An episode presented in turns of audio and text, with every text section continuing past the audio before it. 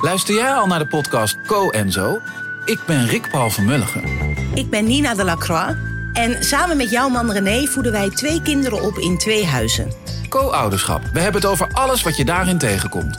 Maar ook over de juice tijdens onze kinderloze dagen, want die heb je ook in het co-ouderschap. Een podcast voor alle ouders in alle vormen, maar ook voor alle mensen zonder kinderen. Zijn we eerlijk, heerlijk herkenbaar. Dus luister naar Co en Zo in je favoriete podcast-app.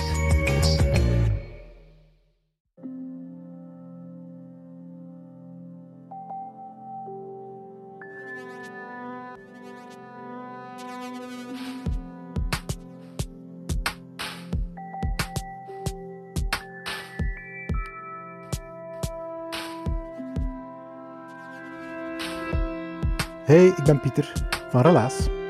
In Relaas hoor je waargebeurde verhalen en die worden verteld door de mensen die ze zelf hebben meegemaakt. De volgende weken krijg je zoals altijd heel diverse verhalen te horen van totaal verschillende mensen. Maar er loopt een rode draad doorheen de komende verhalen. En die rode draad die vind je ook terug in het verhaal van Kapinga, dat we zo meteen gaan horen. Die rode draad is namelijk Ledenberg, een wijk in Gent waarin we de voorbije weken een heel mooi verhalenproject hebben. We waren op zoek naar verhalen in de wijk.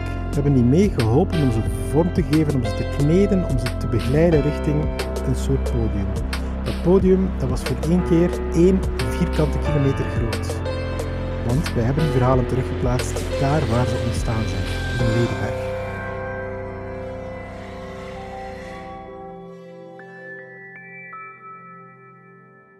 Hoe ben ik hier in Hilberg uh, terechtgekomen? Oh Um, daarvoor moet ik helemaal teruggaan naar Congo. Ik weet het, het is wat verder, maar ik moet dat toch wel kunnen vertellen.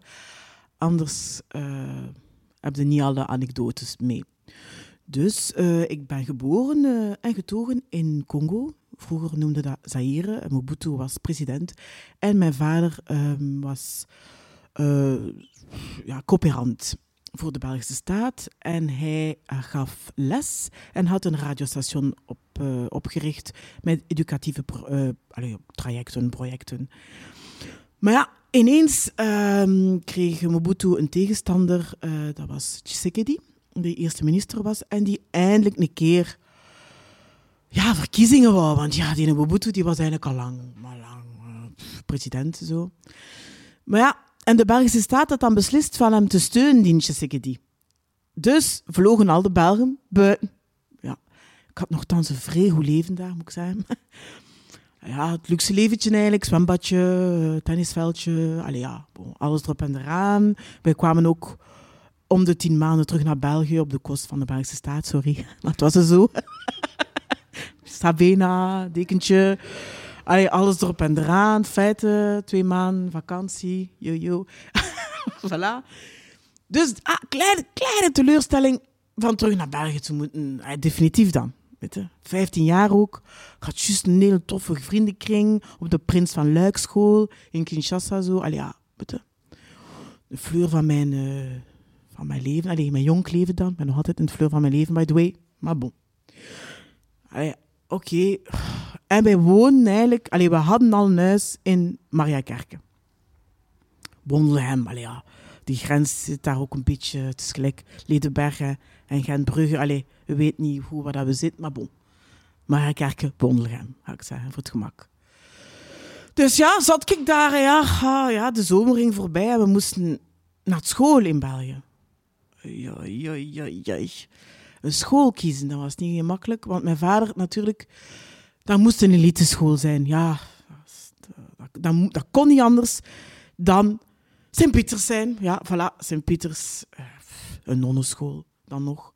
Maar bon, dus wij naar de winkel, een blauwe rok, een wit hemdje, een milet vestje, uh, allee, klaks, schoenen. Lelijk, lelijk.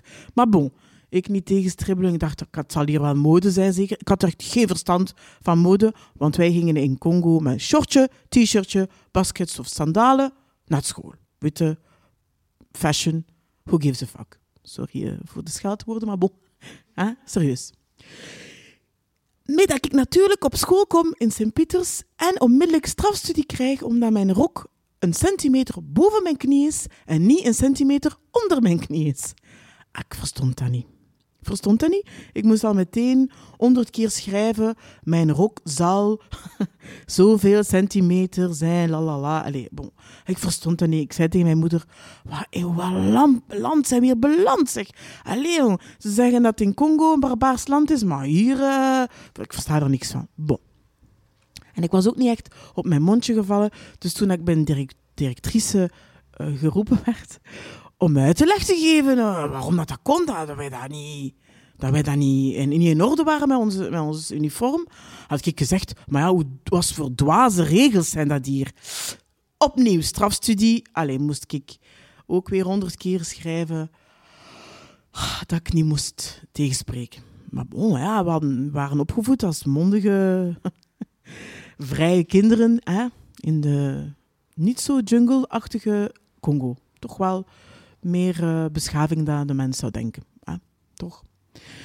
Oké, eh, we doen verder. En we werden ook wel als rariteiten beschouwd. En ze kwamen ook heel dikwijls aan ons haar. En mijn zus, Leonie, die ook met mij samen bij, allee, op eh, Sint-Pieters zat, had al verwittigd eh, tegen een meisje die halve dagen aan haar haar kwam. Als je nog één keer aan mijn haar komt, ga ik je bijten. En ja, en zo geschiedde natuurlijk. Eh, dat meisje wou niet stoppen. En ehm, zat die wel stevig gebeten in haar eh, wang. Dat mijn vader een telefoontje kreeg van Sint-Pieters. Om te zeggen, ja kijk, ehm, wij zijn hier niet gewoon, dat gedrag, dat wild gedrag. Dus we zouden heel graag hebben dat uw twee dochters eh, veranderen van school. Wij waren, denk ik, twee maanden verder of zo. Ja, begin november was dat. Ik, 15 jaar, ik dacht, gewoon nu weer allemaal nieuwe vrienden gaan maken. Waar gaan we nu nog plaats eh, vinden? Dus mijn vader zoeken, zoeken, zoeken naar een andere school. En er was een school die ons eh, onmiddellijk wou toelaten. En dat was Onze Lieve Vrouw College eh, presentatie hier in Ledenberg. dus wij, bij ons fietsje van Wondelgem, Mariakerke, ik wil er vanaf zijn, tot hier, eh, ja, ook weer een nonnenschool. Ik zo, oh my god. Maar het voordeel was, het was ook een blauw uniform. Dus daar waren we vanaf. En ze waren ook een beetje minder streng. Allee, het was minder gezever. Maar het was een beetje uh, Lede Bronx eigenlijk. Hè. Allee, moet ik wel toegeven. Ah, kwam ik hier toe op Ledenbergplein. Die twee cafés die daar uh, nog met lui muziek uh, vol een bak aan het feesten waren om, om 7.30 uur 30 s morgens. Ah, kan ik dat niet gewoon, wat? Dan naar de kerk ah, zag ik daar van die naalden. En, allee, veel druggebruik had zo zijn. Ah, ik was ik dat niet gewoon. Allee, ik kwam, ik kwam uit Congo, hè. we zijn akkoord. Maar jongens, jongens, jongens. Dat was toch even een Bronx dat ik niet, niet gewoon was eigenlijk. Uh. Allee, ja. Dus ja, wij op die school. Pff, kijk, moet eerlijk zijn, ik heb dat niet graag gezien. Ik haatte eigenlijk Ledenberg. Ik dacht, oh my god, ik wil hier zo rap mogelijk afgestudeerd zijn. Dat ik zo rap mogelijk weer terug uh, in het centrum uh, woon. Dat heb ik ook gedaan. Heb ik uh, 13 jaar in, um, in het centrum van Gent gewoond, op Nottegracht. Waar dat mijn dochter geboren is, waar dat mijn zoon geboren is. Allee, alle goed en wel. En we begonnen te zoeken naar een eigen huis te kopen. Nu, een beetje te laat, moet ik zeggen. Had ik het geweten, had ik tien jaar eerder al uh, gezocht. Dus alle prijzen waren al heel, heel uh, hard aan het stijgen. Maar Stad Gent stelde voor, allez, stelde uh, grondlotten voor aan jonge gezinnen. dat we konden gelijk een loterij winnen. Allee, winnen. Moet daar wel natuurlijk voor betalen. Maar allee, je moest wel je kandidaturen indienen. En dan kreeg je twee maanden daarna allee, uitslag of dat je dat nu kon hebben of niet. Dus ik heb dat ingevuld, gedacht van, ik win toch niks in mijn leven. Uh, ik ga het toch niet hebben. Maar bon, wie die niet meedoet, kan niet winnen. Ondertussen verder zoeken achter een huisje hier, een huisje daar, voor een krot. Moest al, uh, ik weet niet wat betalen. Ah ja, bon. Moed zakt een beetje in, in mijn schoenen. En ineens krijgen we bericht van, ah, u mag, u mag een lot uh, kiezen tussen vijf uh, grondpartijen, zeg maar zeggen, in Ledenberg. Ik dacht, oh mijn godverdomme. Oh, ik, ik, wil ik niet in Ledenberg. Ik had echt gepostuleerd voor aan de Muien. de mij te zitten. En ik dacht, oké, ja, die, die in Ledenberg het slechtste geval zo. Hè? Maar dus lap. Het moest, meer lukken. Hè, ja. Kijk, in de Moriaanstraat ja, mocht ik een lot uh, kiezen ja, tussen, de, tussen de vijf. Ja, hebben, we hebben dat toch maar gedaan, want allee, dat had veel, veel voordelen. En ik dacht, ja, ik ben toch veel op tournee en weg. En oh, kan ik niet veel in Ledenberg zijn. Allee, ja, het is gewoon een huis, deur toe. Dus we zijn hier komen wonen. En zo stilletjes aan ben ik hier de mensen beginnen leren kennen. Dan ben ik Matthias Lagarde uh, tegengekomen, die met de Ladybirds uh, bezig was. Die mij vroeg uh, of dat ik geïnteresseerd was om zangles te komen geven voor kinderen. En ik dacht, oh ja, dat is misschien een kans om zo wat mensen te leren kennen. En een beetje over mijn trauma te geraken. Wat dat Ledenberg was voor mij zo. En kijk, ik ontdekt dat hier heel, heel, hele toffe mensen wonen. Door de kinderen natuurlijk ben ik gewoon zangles beginnen geven, mijn koor opgericht, Michael Chanson. En allerlei artistieke trajecten beginnen uit de grond stappen. En ik moet zeggen, ik, ik zou eigenlijk nooit meer willen verhuizen. Het is, ehm, het, is dat wij zo voorkomen, is van in de Moriaanstraat te komen wonen. En uh, zelfs heel dat verhaal ervoor heeft eigenlijk alleen maar uh, ervoor gezorgd dat ik, dat ik echt wel tot in de diepe ben, ben gegaan bij de mensen. Om ze echt te leren kennen. Om eindelijk zo mij thuis te kunnen voelen. Dus dank je wel, Ledenberg, zou ik zeggen.